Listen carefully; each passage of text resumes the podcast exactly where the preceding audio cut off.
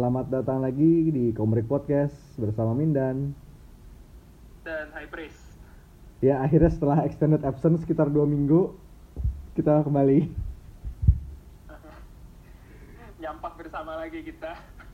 Setelah nyampah di kampung halaman kemarin.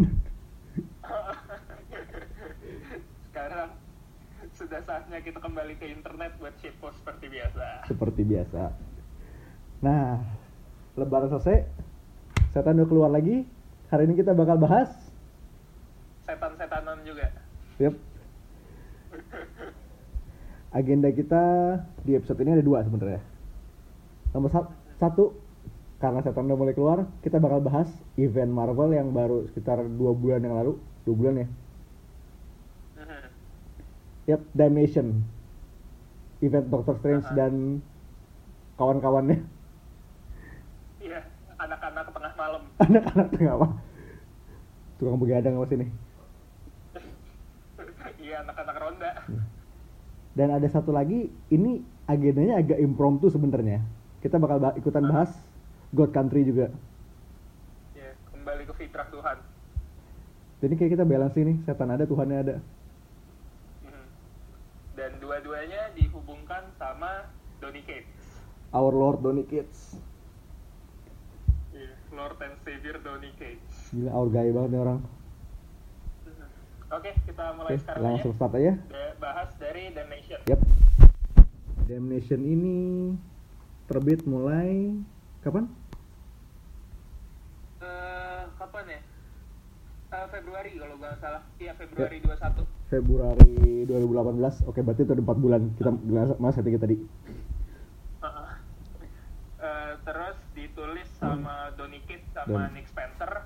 Artnya dipegang sama Ada Road Race sama eh, Oh, iya. Zimon Kudransky.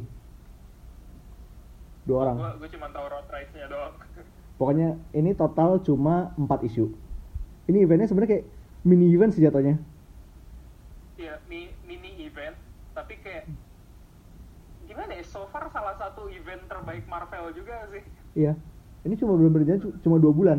Februari sampai April. Nah, mini banget tapi bagus. ya. Ini skala, skala kecil. Eh, jadi basically adalah kemarin tahun lalu di Secret Empire di Secret Empire Vegas diserang Hydra dan hancur total. Hancur total. Bener-bener luluh lantak nggak ada yang bisa. Mhm. Nah, di sini eh, Doctor Strange pakai spell buat nge-restore Vegas berikut penghuninya yang udah pada mati. Mhm. Dia mulai main Tuhan tuh, udah kelihatan brengsek. Nah, konsekuensinya adalah neraka ikut naik. Ni- niatan cuman ngebangunin yang udah mati, taunya emang satu kota yang udah mati naik semua. Itu bener-bener tiba-tiba tuh kayak pokoknya spell selesai nih. Oke, Vegas sudah balik, pokoknya orang-orang udah pada hidup lagi. Terus tiba jebret ya, tiba-tiba tengah kota tuh ada menara gede banget. Yang terakhir istilah ada isinya itu kasinonya Mephisto. Dan to be fair, kasinonya Mephisto keren banget. Gue suka desainnya. banget. Oh terus ini Mephisto-nya juga bukan Mephisto setan stereotypical devil gitu. Ini kayak bapak-bapak pakai suit pemilik kasino. Ya, ini kayak gimana ya? Teksikan Mephisto gitu gak sih? Iya, bener-bener. ya kelihatan kayak Mephisto eh, kelamaan di Texas terus punya ladang minyak jadi dok di dom gitu. map map map Mephisto Dome. Devil di Dome. Dog di Devil. Kurang topi ya sebenarnya. Nah terus di sini tuh dia em, cara kerjanya juga bener-bener kayak pemilik kasino banget. Jadi ada at some point, Stretcher ditangkep, disekap di basement, terus sama anak buahnya di dengkulnya digebukin pakai baseball bat. Hmm, itu serem banget. itu bener-bener kayak tipikal gangster-gangster kasino gitu. Itu kayak kayak kalau kalau ketangkep curang di kasino ya gituin. Ditarik ke belakang sama security kan Iya. Ini kalau lo ngelihat security orang aja udah serem, ini ke security-nya demit semua terus gede-gede gitu. keren banget sih Literally employee-nya dajal semua. nah di sini kebetulan eh, pas Vegas di Resort itu Strange lagi sama Avengers ya udah jelas nih Avengers bakal nyelamatin ya mereka pasti bakal kerja langsung kan Mhm. nah di sini apesnya adalah semuanya diubah jadi Ghost Rider Iya. Kerjaannya Mephisto, siapa pun yang dia lihat, kalau nggak dikasih helmet, dia jadiin Ghost Rider. jadi ini Ghost Rider itu ada Black Panther eh Thor-nya Jane eh, Falcon siapa lagi? Empat. Eh, ada lima kan? Captain Marvel, udah nggak ya? oh iya Captain Marvel ada. Iya. pokoknya ini Avengers yang era yang sebelum current roster ini. Mhm. Avengersnya Wade. Era-era No Surrender Nah itu jadi Ghost Rider Ya udah tuh Strange, Strange udah gak berdaya lah. Udah disekap di basement. Turunlah backupnya Wong, ya yang sebenarnya gue kasihan banget tuh, Wong udah pisah jauh-jauh dari Strange, hidupnya udah tenang, keganggu lagi gara-gara Strange lagi. Gara-gara dia bego Gara-gara dia dari gara-gara itu pun sebenarnya yang minta tolong juga bukan Strange-nya dulu. Strange kan keliwat petty buat minta tolong. Yang minta tolong ya anjingnya Strange. Nah ini sedikit background buat anjingnya ini Anjingnya ini sih Jadi eh, sempet, Awal tahun ini tuh Strange Intinya Magic mati Magic sempat mati. Strange sempet Di upstage Dicuri gelar Sorcerer Supreme-nya sama Loki. Nah setelah ditendang dari Sanctum Dia balik jadi dokter hewan. Nah dokter hewan, dokter hewan Di prakteknya itu dia ada partner anjing Namanya Bats. Dia dia sihir bisa ngomong. Kemudian dengan begonya si Loki ngebunuh tuh anjing Ah, Strange langsung ngamuk, langsung Ngamuk. jadi John Wick. Man itu keren itu itu itu epic banget tapi long story short eh, arwahnya Bats Eh, berhasil bakalan kita bahas. itu bakal kita bahas itu itu Cage juga tetap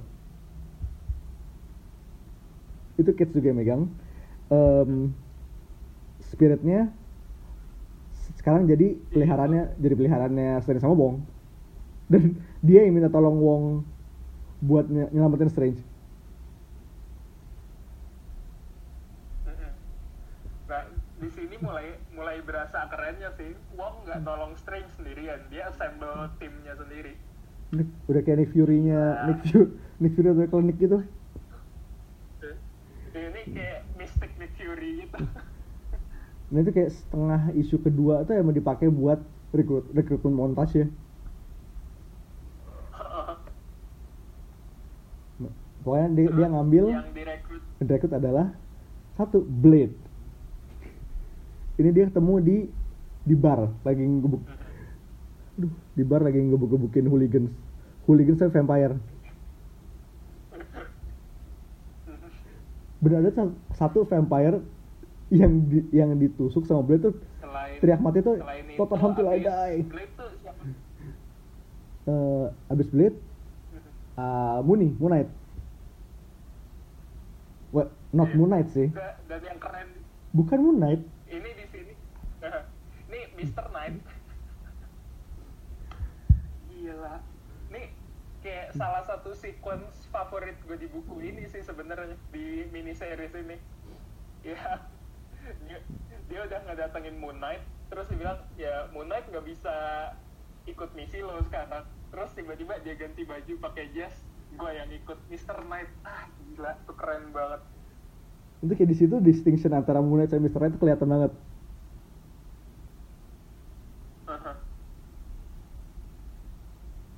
Nah terus lagi Dia ngambil Man Thing Oh my god, Man Thing Man Thing giant size man thing Jadi kayak ini rekrutan rekrutan out of nowhere banget sih. Tadi Mansing udah sekarang diambil lagi Demon Slayer satu lagi. Dia ambil asal Bloodstone Hmm. bagi gue. Kesenengan langsung. ya terus jadi dia ngejar si Elsa sampai ke Himalaya entah mana gitu. Dikejar sampai ke pegunung- pegunungan buat ngerekrut doang. Dedikasinya emang ya. Da- dan rekrut rekrutmennya Elsa tuh luar biasa keren sih. Kayak kayak one of the best gitu. Dia mendadak keluar dari perut monster yang habis dia bunuh. Itu kayak damn that's badass. Iya itu itu first impression dia di series ini loh. Hebat banget. Mhm. Nah terus last but not least lo nggak bisa ngelawan Ghost Rider tanpa Ghost Rider. Dia ambil Johnny Johnny Blaze. OG di OG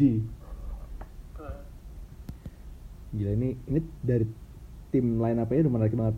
Tapi ini ada tambahan seorang lagi. Ini baru ini baru line up utama doang belum nambah Six Ranger. Six Ranger. Nah itu dia.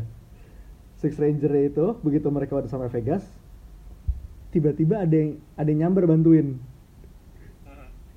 Dan- dan ini entrance-nya luar biasa keren. Luar biasa. mendadak datang naik truk bawa rifle. Dan ternyata liner Boca tuh Ben Riley. Ben Riley pakai pakai rifle. Itu kayak udah itu udah kayak it- kayak zombie zombie apocalypse survivor gitu. Terus yang lain tuh motivasinya gara-gara kayak uh, canceling di apocalypse lah. Terus Ben Riley itu motivasinya cuman gara-gara ya ini komplek gue tinggal gitu. Gue udah tinggal di sini goblok. Heeh. gila aja. Ben Riley di sini keren banget. Terus ini juga dia mau dibilang tim juga nggak bisa dibilang tim sini bener-bener nggak ada yang akur.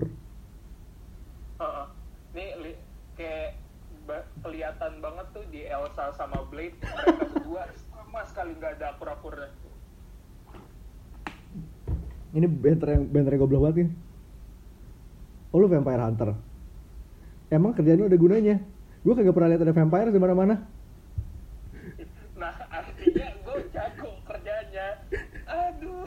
itu gold banget Iya.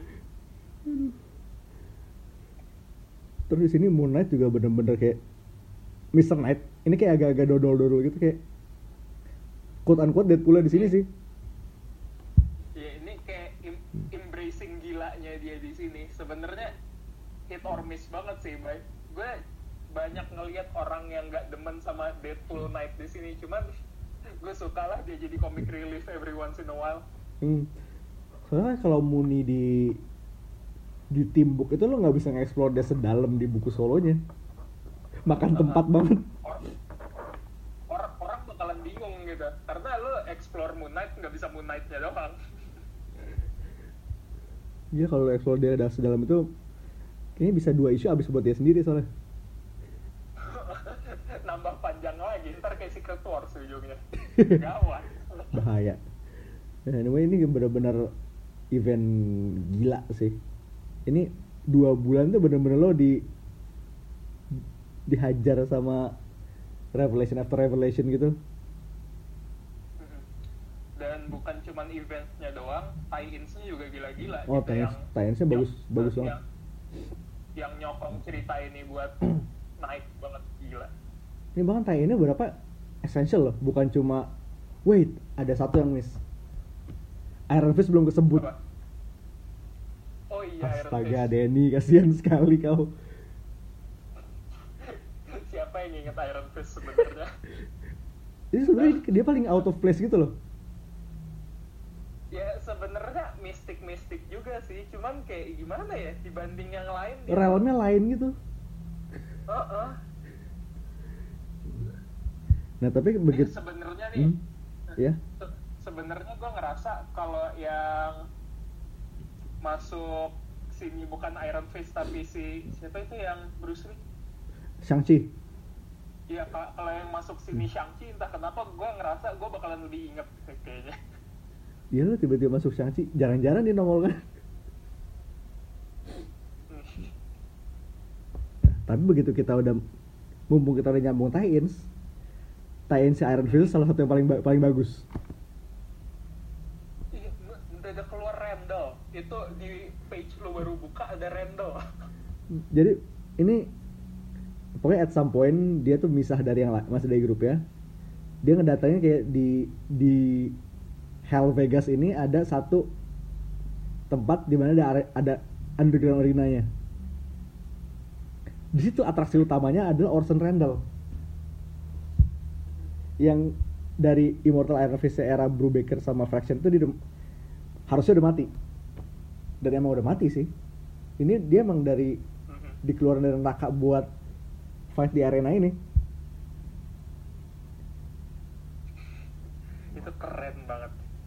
Dan fight itu bener-bener pokoknya sekian ratus demon nonstop. Pokoknya tiap tiap fight tuh dia mau kasih istirahat kayak sejam. Ini gimana ya? Kalau gua ngelihatnya kayak ekuivalennya Johnny Storm waktu ngelawan Annihilation Wave. Iya, itu kayak gauntlet gauntlet match banget. Tapi ini kayak rasanya lebih gila lagi nggak sih? Soalnya kalau Johnny Storm masih bisa supernova. Ini kayak Ini Orson ya. Orson aja. Iron Fist udah nggak punya. Ini kayak kayak blood sport gitu loh. Nah terus ini juga itu jadi jadi media buat ngebalikin beberapa fan fave sih. Fat Cobra sini balik. Oh my god Fat Cobra. gue nggak expect sama sekali dia ada. Man, Cuma Fat- tiba-tiba ada. Lo udah dikasih Orson Randall, terus gak lama kemudian lo kasih Fat Cobra. Gila kurang asik apa? Nih mak- makanya kayak salah satu event terbaik sih. Ya, ini ini high pointnya eh, series Iron Fist yang pada saat itu masih jalan nih.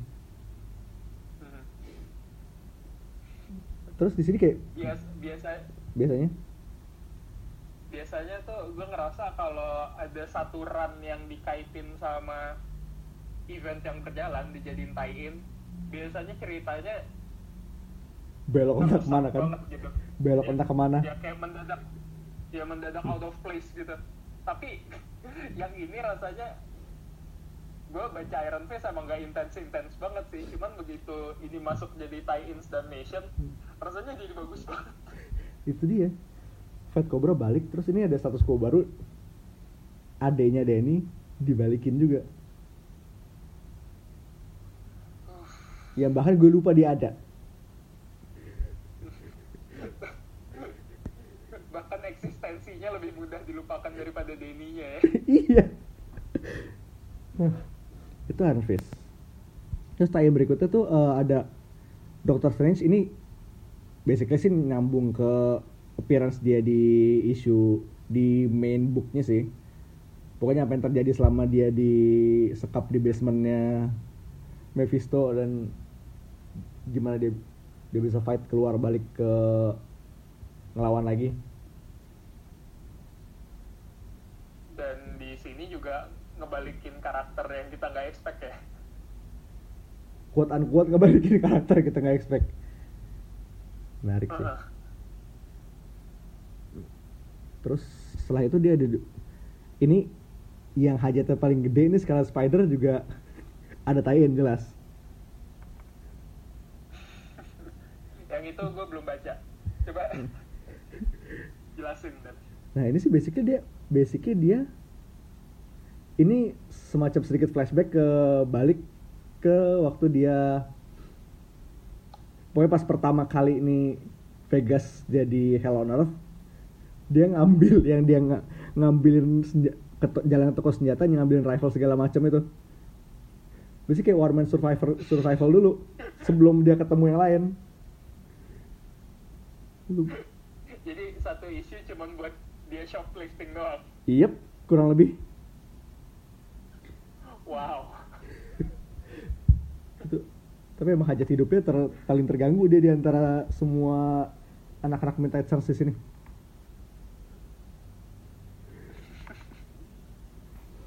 Nah terus ini ada ini sebenarnya tak salah satu tie yang paling stand out juga sih.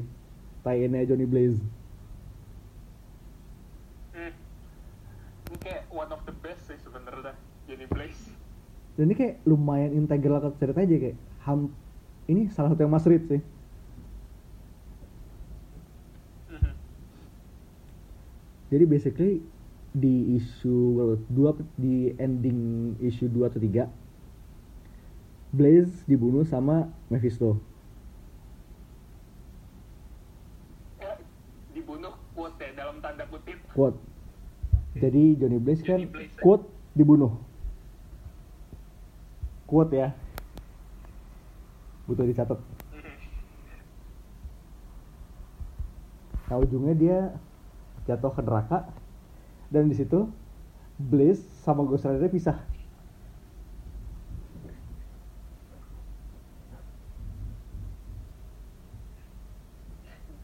Jatuh ke neraka tuh rasanya kayak pulang kampung aja ya sebenarnya. Bukan kampung. Tapi bedanya adalah antar Johnny sama Ghost Rider pisah, pisah badan. Menariknya di situ. Asamnya di situ. Dan awalnya berantem dulu. Tipikal. Tipikal. You greatest enemies yourself gitu. Trust nobody, not even yourself. Tapi di sini bener-bener ini kayak ini kayak Mad Max in Hell sih sebenarnya. I- iya sih. Ini ada sequence isinya isinya ada kendaraan-kendaraan raksasa keren gitu. Dan itu kayak di ending sequence dia temenan sama demon bentuk gajah. Dan itu dinaikin sama dia. Ghost Rider naik gajah. Ya sama kayak leluhur sih. Naik mamut kan dulu. Iya. Throwback. Kem- Kembali ke akar ya. Kembali ke akar. Dulu tuh nggak ada namanya motor. Heeh. Zaman kakek dulu naik gajah. Pokoknya tapi ya di situ long story short dia jadi king of hell setelah urusan segala macam itu. Ini belum ini blunder gede banget buat Mephisto nih. Hebat loh. Lu bukannya nyingkirin masalah malah bikin masalah baru lagi. kan menyelesaikan masalah dengan masalah. And it comes back to bite him in the ass. Ntar, ini oh di final battle-nya man. Di final battle sesuatu banget sih. Ini pokoknya lo udah punya Final battle. Demons Demonsnya Mephisto, Ghost Rider Avengers, plus Midnight Suns.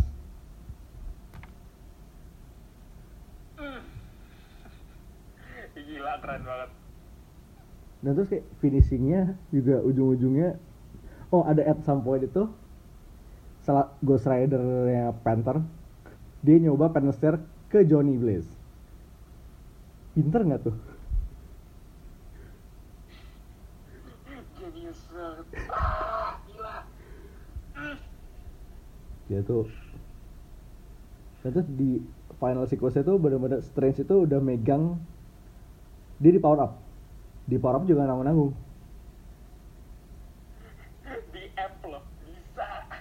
di M dikasih power Panther God sambil dikasih power Show Lao. Bus Rider. Gila ini kurang kurang OP apa lagi?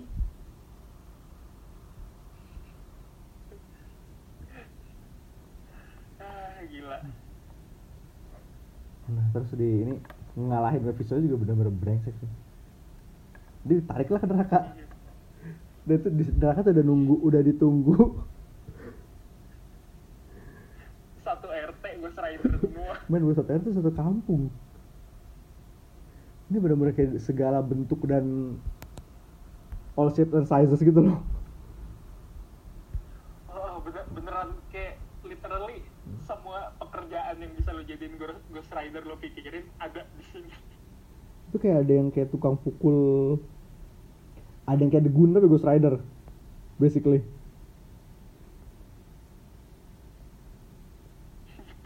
Itu kayak banyak banget yang suka ya. Keren itu kayak image-nya striking. Ya tapi kayak kalau udah striking sih tuh ada at some point tuh ada nongol cuma segitu. Satu, satu page supply satu kayak spread satu page doang sebenarnya. Itu kayak nggak ada mereka nggak ngapa-ngapain selain nampang doang. Oh terus ada Ghost Rider yang itu yang yang dari Ghost Race cuma satu page doang Yep. tapi langsung jadi fan favorite gitu. Bener. Itu Hah? oh ada Ghost Rider yang dari Ghost Racers yang bentuknya T-Rex itu. Oh man. Ah iya. Sebenarnya di sini di sini tuh gue agak-agak kecewa kapan Marvel mau bikin buku Ghost, Ri- Ghost Riders atau Ghost Racers lagi yang megang kids Heeh. Ini kayak sebenarnya ide yang dari dulu kita tuh udah pengen ya abis Ghost Racers-nya Civil War kita semacam sedih Hmm. Secret- kenapa Secret ada War. terusannya kayak Web Warriors gitu harusnya sih ada dan sekarang kayaknya kita harus begitu diumpan kita lagi harus beginian. mulai bikin itu deh petisi buat Hmm. soalnya kalau lihat juga kids juga kayak ini nih dia demen banget sama Ghost Rider. Heeh. kayaknya ada fetish sama Ghost Rider gitu. Not that we blame him itu keren. Itu keren banget we understand sih we understand Nah ini gue lagi lihat lagi splash page ini bener ini ada Ghost Rider yang bentuknya kayak tengkorak T-Rex raksasa itu.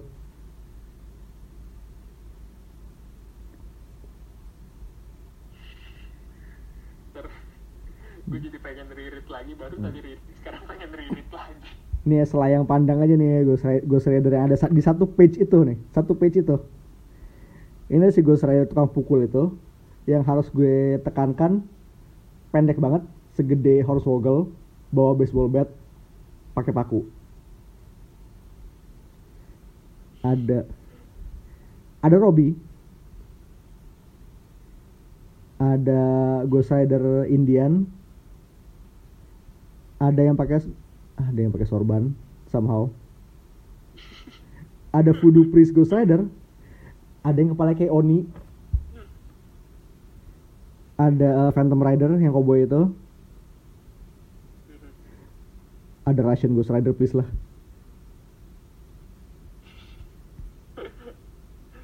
Terus kayak ada satu random ghost rider pakai jas. Suit rider. Ghost Rider. Ini yang Russian Ghost Rider kayaknya naik beruang nih Gila. Oh my itu naik beruang kebakar gitu, keren banget me- mental image-nya. naik beruang kebakar botolin vodka ke mana-mana Molotov vodka. lempar lempar molotov For the glory of the motherland. Ya, intinya ini sebenarnya kalau nggak dijadiin buku ini sayang banget.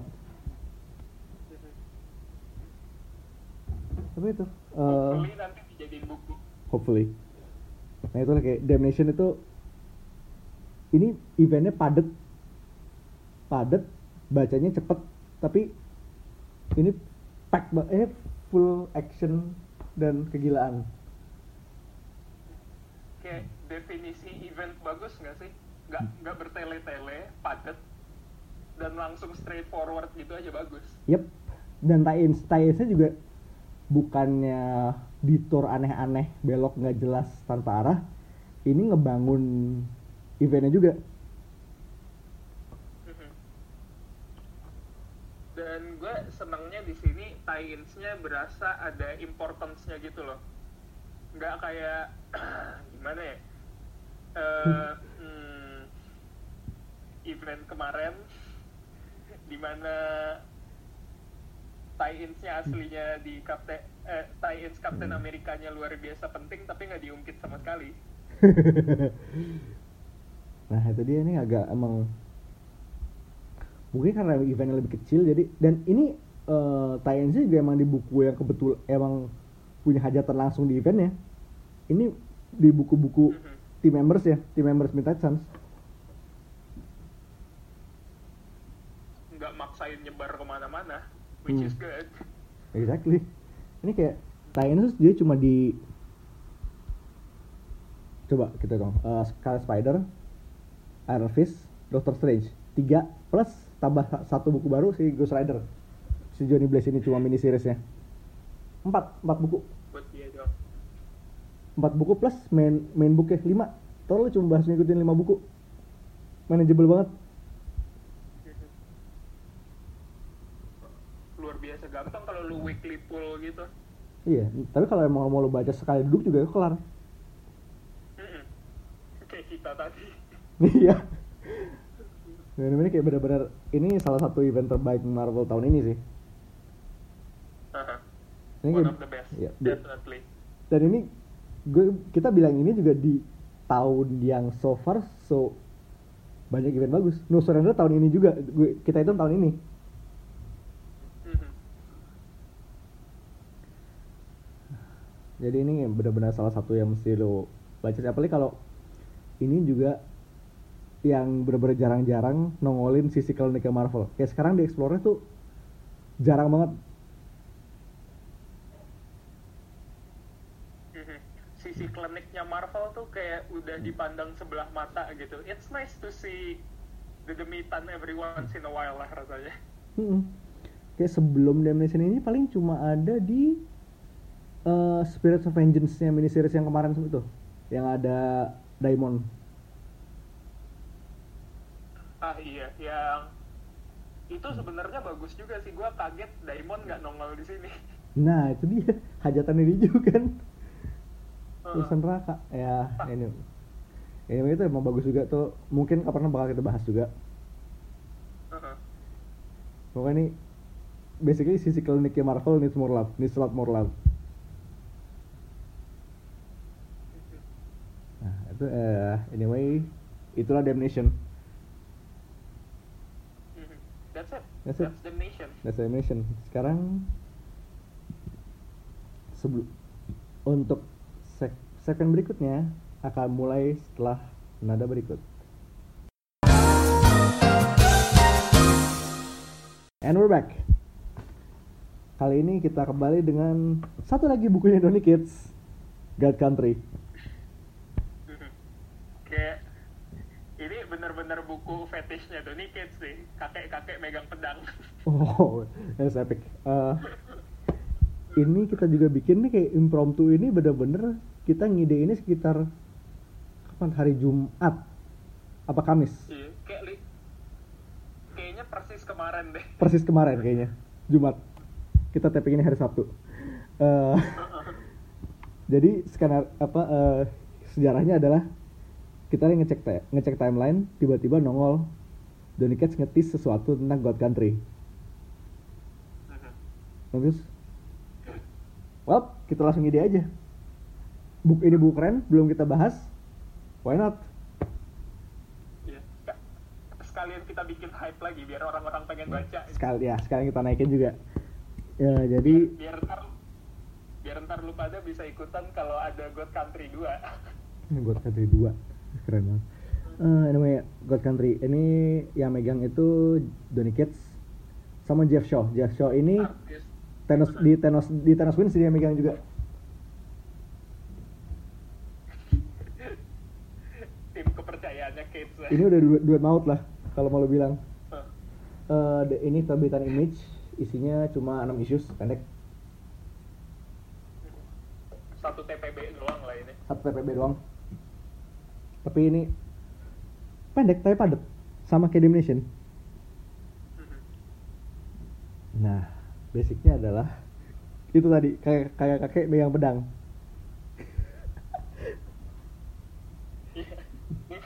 Nih, lo lo kebayang gak sih itu Josh Chow begitu kerja sama kids dia nanya ah akhirnya eh, ini kita mau gambar apa lagi? Gitu. Ya kakek kakek megang pedang biasa. Biasa. Oke kalau udah kenal kids kayak udah biasa gitu sih kayaknya tiap proyekan mereka berdua harus ada itu hmm. deh itu trop trop wajib. Oh iya di, di tenis pun juga iya ya? Itu kan King Thanos kan megang pedang ya? Pedangnya hmm. surtur pula. Hmm. hmm. makanya. Sama aja. Tapi ini kakaknya kuat aku hero sih. Jadi uh, oke okay. jadi anyway kita mulai dari awal. Jadi ini ada di Texas. Because why not? Kayaknya Donny Cates dari orang Texas sih inget gue. Hometown pride. Jadi ada kakek-kakek namanya Emmett Quinlan. Jadi? Dia udah pokoknya udah Alzheimer udah pikun udah sering ke- keluyuran ngajak ribut orang sekitar. Nah at some point tuh ada badai. Rumahnya kena badai. Ini pas lagi keluarganya pokoknya ada anaknya anaknya cowok istrinya si anaknya sama cucunya lagi datang tuh. Ini pokoknya si istri ini udah bener-bener kayak capek lah sama kelakuan mertua. Begini kan udah kerja ngajak ribut polisi sekitar mulu. Jadi tipikal nggak setrop nggak seneng sama mertua gitu lah pokoknya. Hmm, tapi ya kayak emang ya almost for good reason sih. Karena dia violent banget ini si Emmet. Nah, tiba-tiba ada, ada Iya. badai. Di badai itu si Emmet nemuin pedang. Gede banget. itu random banget but bear with us But well, but, but, well, well, it gets better.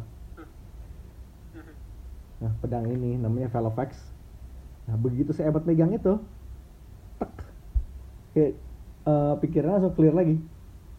Kayak Alzheimer dan pikun dan segala macam itu hilang total. Itu kayak pas begitu dia megang itu aja kayak udah kayak udah heartwarming banget gitu loh. Akhirnya dia bisa inget nama cucunya. Mhm. Tuh mendadak wholesome aja entah gimana caranya. Nah terus harus eh, perlu dicatat ini, ini dalam posisi masih megang pedang segede itu kayak dua kali tingginya dia loh kayak pedang-pedang anime gitu. Oh, ini kalau lo bayangin lah si Emmet ini tingginya 1,8 ini pedangnya 4 sampai 5 meter sendiri ada kali. ada. Dan itu desainnya keren banget Kalau lo kal- kalau lo masukin Emmet ke dalam Final Fantasy, gue nggak kaget gue mau. Soal kalibur lah Oh iya, Emmet versus kalibur gue dukung. Tak banget. nah. Jadi pok jadi pokoknya si Emmet ini begitu dia dapat pedangnya, dia mulai sehat kembali, sehat walafiat. ya sehat mental mental dan fisik. Tapi ya ini pedang ajaib entah dari mana kan lu nggak tahu kan? Tiba-tiba datang yang, yang punya. Ya Si God of War itu. God of War, ya utusan sih pertama Terus dia bilang adalah si Emmet kan nanya ini pedang eh, ini ini pedang sakti. Oke Excalibur gitu. Bukan cuma Excalibur. Velofax Velofax nama pedangnya Velofax ini adalah semua pedang yang di le- semua pedang di legenda. Ini kayak benar-benar the, sword- the god of swords gitu. Iya.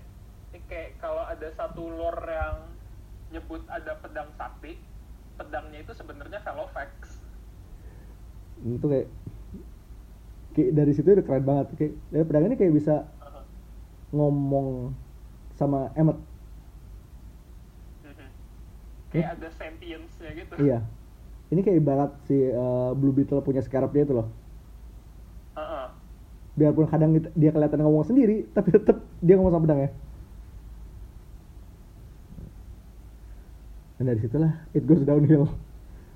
Dari itu si si yang punyanya ini yang kayak sama deity dari dunia lain gitu lah utusan per utusan per utusan buat ngebalik buat ngerebut lagi pedangnya dari Emmet dia lawan dong Dan gimana ya? Kalau lo dulu bilang ke gua kakek-kakek berantem pakai pedang tuh bakalan keren, gua gak akan percaya. Tapi ini nyatanya keren banget. Ini action level tuh kayak epic itu kayak Dragon Ball level gitu loh Beneran epic gitu. ini kayak kalau gue gue deskripsi dengan kata-kata juga kayak it doesn't do it justice Mhm. bener-bener ini kayak Ini tengah kayak dari isu 3 onwards tuh udah fights after fights after fights Mhm. Donny Cates Hmm. Nulisnya luar biasa pinter, ngidenya jenius banget dan Geoff Shaw juga hebat Hmm. itu bisa translate ke dalam bentuk ilustrasi kayak gini. Nah, ini juga eh, mainan narasinya juga menarik sih. Ini framingnya tuh kayak legenda. Kayak kita udah ada di Mhm. sekitar mungkin kayak tiga atau empat generasi ke bawah dengar cerita ini dari orang entah orang tua nah, entah kakek entah nenek gitu. Aha. Ini jadi kayak persis lo dibacain dongeng gitu rasa. Persis. Ini kayak framing device yang sama kayak dipakai buat Thanos juga. Lo kayak denger, ngerasa denger, dengerin legenda gitu. Ini kayak gimana ya? Feel-nya tuh kayak lo lagi jalan, lo lagi nginep di rumah kakek nenek lo, terus lo minta diceritain, mereka cerita ini kayaknya. Iya, ini kayak udah kayak Feel-nya kayak gitu. atasnya uyut lah. Uyut atasan lagi. Ah. Sekian generasi ke, ke atas. Mhm. Nah, terus ini basically sih ini fight after fight dan oh man gue Hmm. ini kerennya kelewatan Intense shit, man. intense Come as on. shit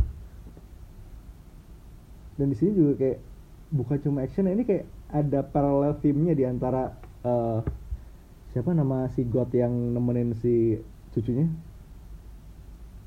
Ah iya, lupa gue namanya. Itu dia, gue cuma inget dia God of War doang. Nah, si God of War ini pokoknya ini dia utusan pertama.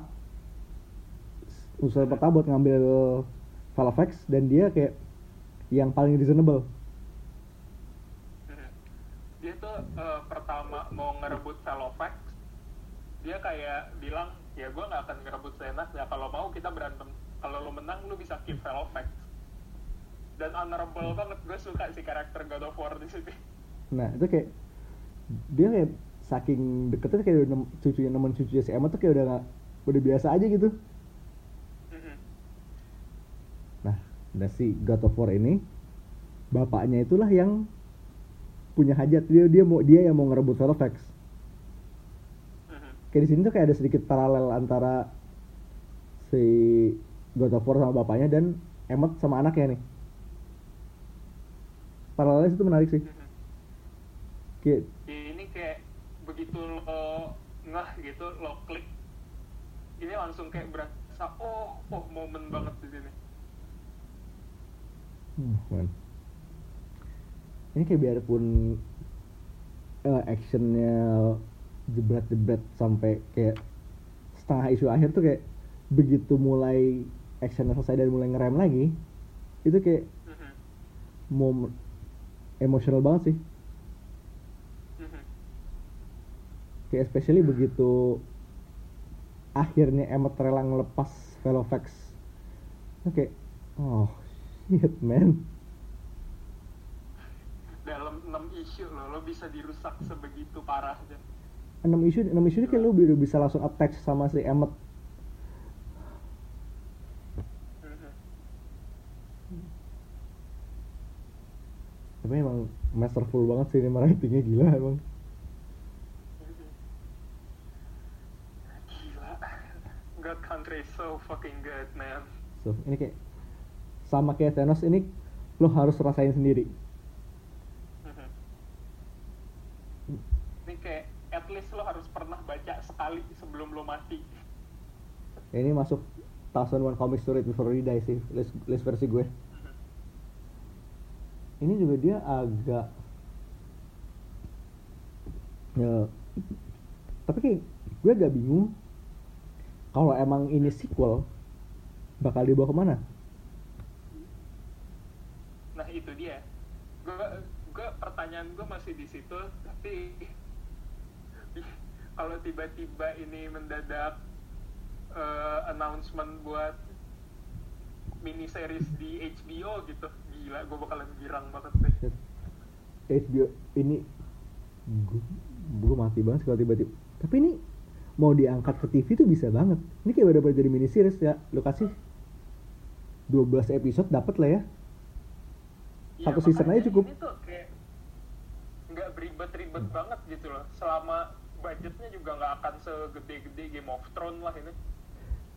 lo yakin itu final battle lo inget kan di mana Hmm? final battle lo inget di mana kan lo yakin Iya, budgetnya nggak akan segede Game of Thrones CG-nya mahal ini cuy Iya. bisa lah diakalin, bisa lah dia. berarti CG Pakai pakai settingnya Ragnarok, cuman lampunya dimatiin. ya to be fair nih kayak emang dia sempat ngelawan creature yang agak-agak mirip Leviathan si Tauri sih Nih waktu si God of War datang terakhir pakai hammer super gede itu kan bentuknya kayak itu. bentuknya kayak celestial.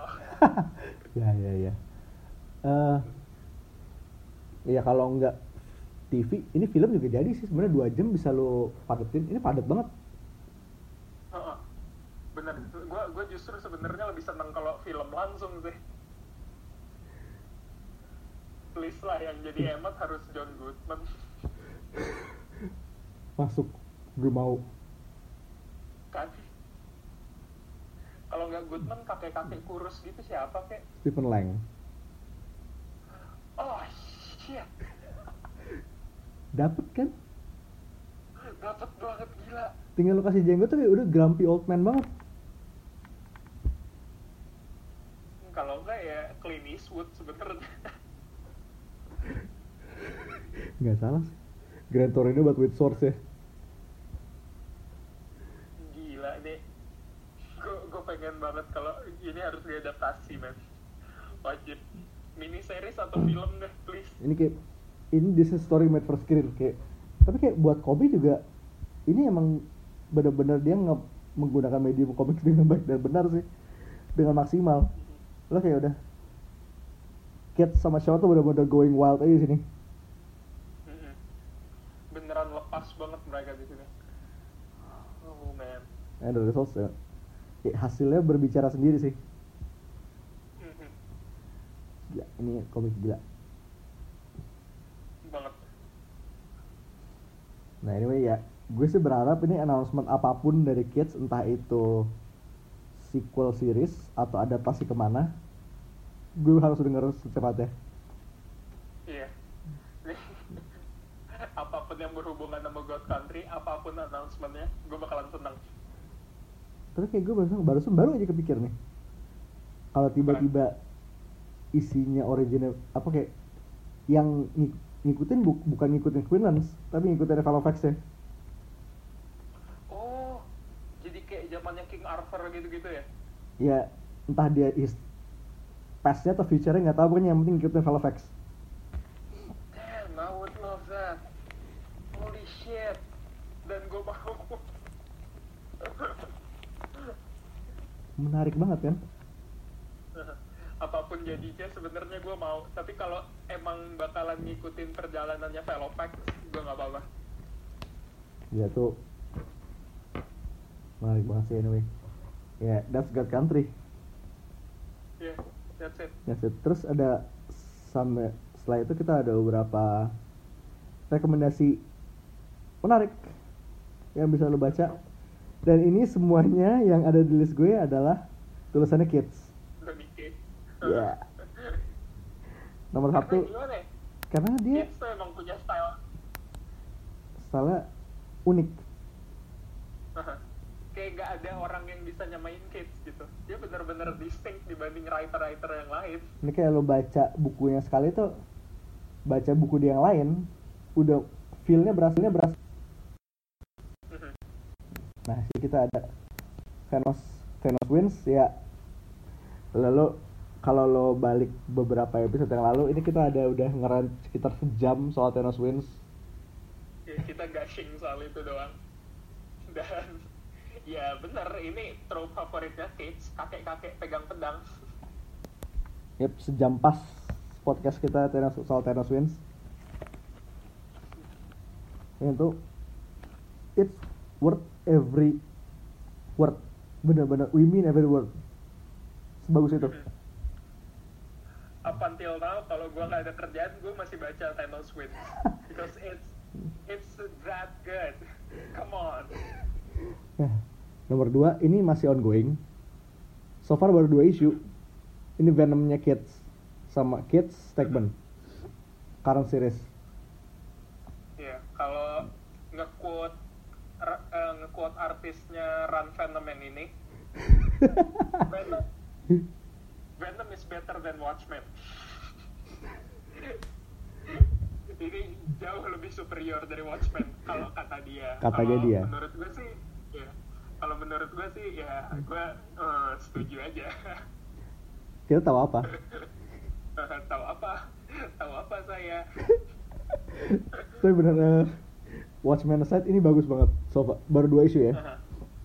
Ini Baru dua, dua isu dan dua isu aja dia udah ngebawa elemen baru ke mitologi simbiot tuh banyak banget. Hmm. Nih, without spoiling too much, di issue 1 ngungkit Beowulf. That's it. Mungkin Beowulf. Dan nomor dua, Flash Thompson isn't the first military symbiote. Mhm. Dua hal itu aja kita kita tinggalkan kalian dengan dua hal itu aja.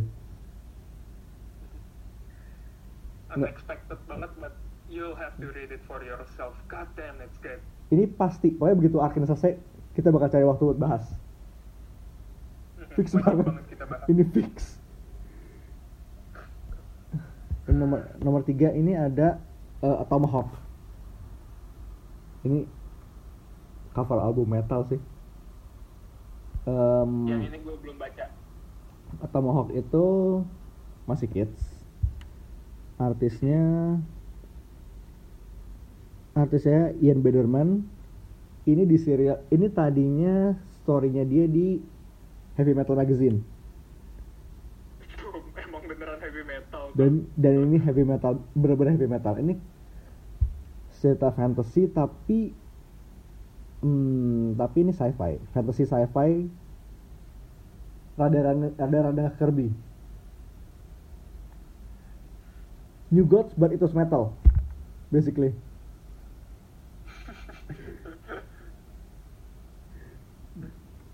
gue gue habis googling ke Tomahawk terus ada eh, pesan dari Grant Morrison gitu Nah. buat Tomahawk Nih, ini gue baca pesannya nih, gue baca pesannya.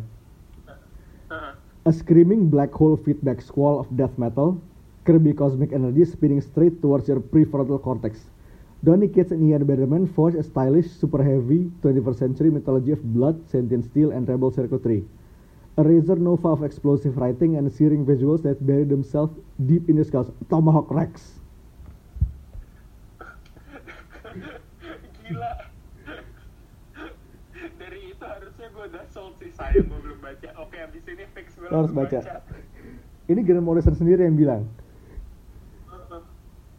Ini kayak Grant Morrison trippy-trippy epic gitu loh. Ini art style tuh kayak art style kayak relief-relief yang bisa lo temuin di archaeological site gitu.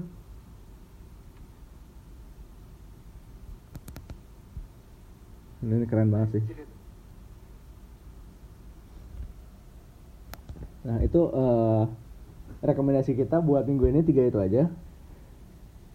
Mhm. Dan Plus kita ada sedikit pengumuman buat bahan-bahan podcast mulai minggu depan. Mhm. Nah, nah eh, Juli besok kita ada Team Month. Sebulan ke depan kita bakal ngebahas komik-komik yang aneh-aneh dan gila-gila. So, jadi kita berusaha kembali ke tujuan kita untuk shitpost menggunakan podcast sih. Yep. Jadi bulan depan kita purely bakal ngebahas komik paling aneh yang pernah kita tahu. Yep. Eh, sedikit sampling nih, sampling aja nih ya. Kita bahas sekitar dua apa tiga nama dari ya, list kita untuk minggu dep- untuk mulai minggu depan. Nih, kita mulai dari minggu depan kita bakal bahas Marvel.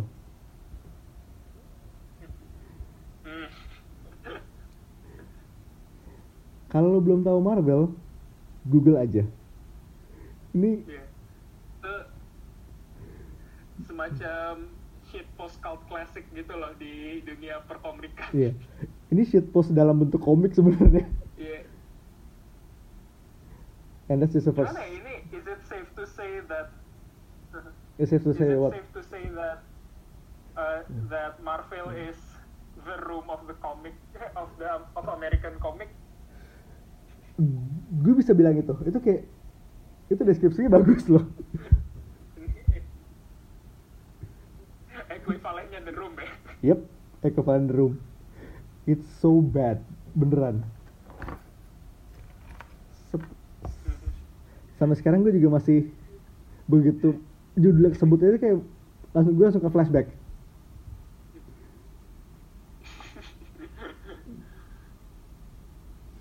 Nah, selain eh, selain Jadi kita bakal bahas Marvel selain itu eh, sempat kita janji seben, se- kita sempat janji bakal bahas tentang Exatex. Mu- kemungkinan akan kita singgung sedikit di sometime di bulan itu.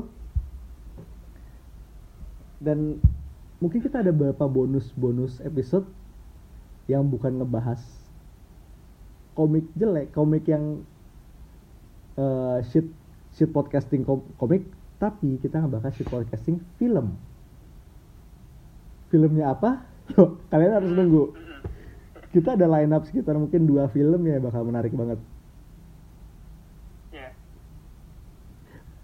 Hintnya adalah satu legend luar satu legend lokal. Legend lokal ini eh, ya kita berusaha agak menjauh dari komik sedikit cuman tetap berbau superhero as always. Eh, disclaimer bukan Azrax Eh, sayangnya yang Sayangnya itu bukan. masih belum kita filenya belum ketemu. kita temukan. Tapi level ke Azraxannya di- deket sih. Ya, nyaris. Nyaris. mirip. Ya ya itu kalian bakal nemu episode itu sometime di bulan Juli. Mhm. hopefully. Hopefully. Kalau kita belum mati ketawa duluan. Eh,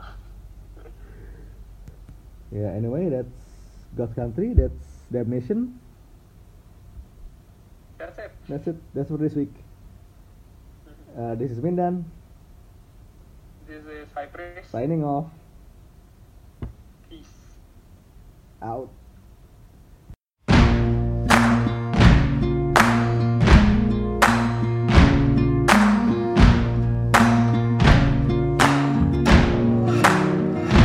You can run on for a long time, run on for a long time, run on for a long time. Sooner or later, gotta cut you down. Sooner or later, gotta cut you down. Go tell that long tongued liar, go and tell that midnight rider. Tell the rambler, the gambler, the backbiter. Tell him that God's gonna cut him down. Tell him that God's gonna cut him down. Well, my goodness gracious, let me tell you the news. My head's been wet with the midnight dew. I've been down on bended knee, talking to the man from Galilee. He spoke to me with a voice so sweet. I thought I heard the shuffle of angels sweet. He called my name and my heart stood still. When he said, John, go do my will. Go tell that long tongued liar. Go and tell that midnight rider. Tell the rambler, the gambler, the backbiter. Tell him that God's gonna cut him down. Tell him that God's gonna cut him down. You can run on for a long time. Run on for a long time. Run on for a long time. Sooner or later, gotta cut you down. Sooner or later, gotta cut you down. Well, you may throw your rock, hide your hand, working in the dark against your fellow man. But as sure as God made black and white, what's done in the dark will be brought to the light. You can run on for a long time, run on for a long time, run on for a long time. Sooner or later, gotta cut you down. Sooner or later, gotta cut you down. Go tell that long tongued liar. Go and tell that midnight rider. Tell the rambler, the gambler, the backbiter. Tell him that God's gonna cut you down. Tell him that God's gonna cut you down. Tell him that God's gonna cut you down.